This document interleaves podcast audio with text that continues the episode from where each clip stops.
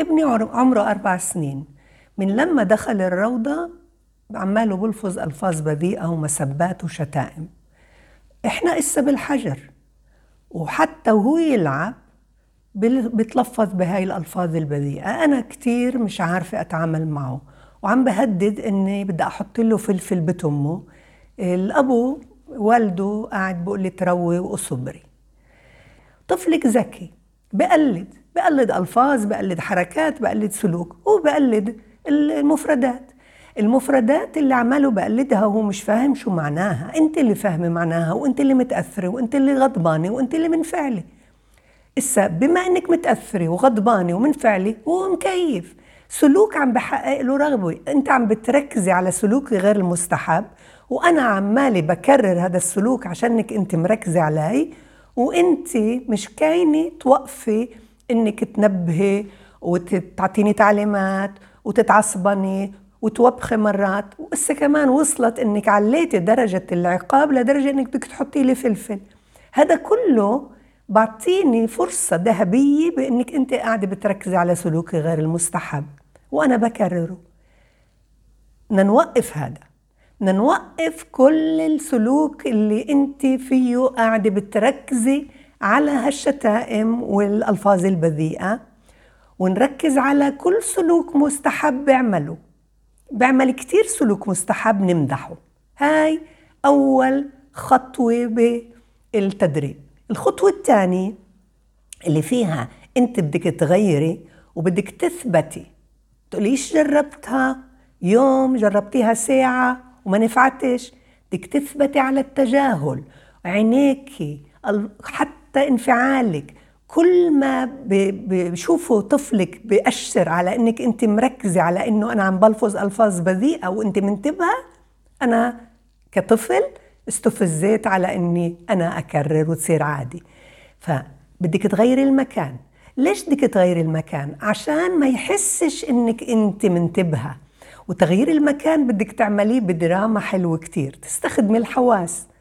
أنا شايفة يا كشكش برا في وتقومي. هون هو بيعرف إنك أنت جاهلتي ما انتبهتيش شو قال ما ركزتيش وكنت رايقة وقاعدة بتستخدمي تمثيلية حلوة. بركض وراكي. أنا شايفة يا كشكش سامع؟ أنت سامع إيش في في المطبخ؟ يا سيدو سيدو أنت عارف إنه في أنا شامي ريحة حلوة كتير بدي أجيب لك أدوقك.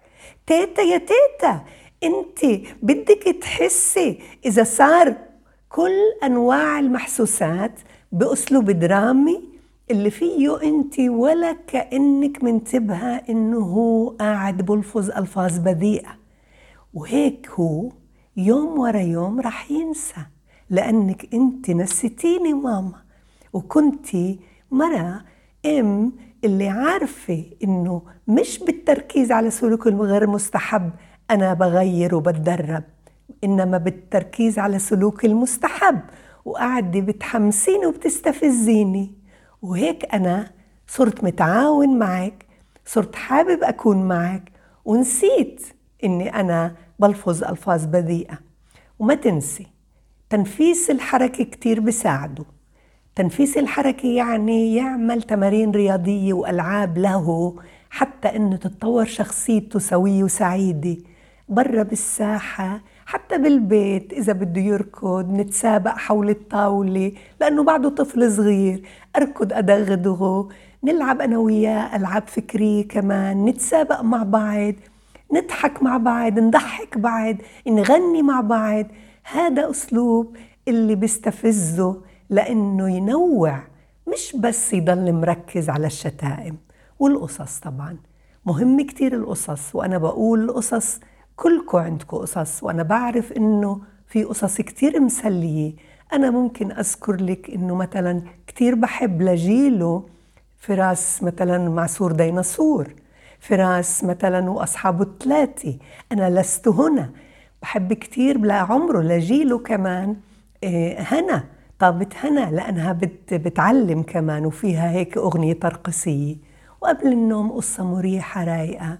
ينام بسريره عند الحلاق الشمس نائمة أي قصة اللي بتخليه يسترخي ويحس إنك أنت مبسوطة فيه وطيرانة فيه لأنه هو ولد مستجيب وولد مبسوط. والصور خليه يركز على الصور والرسمات.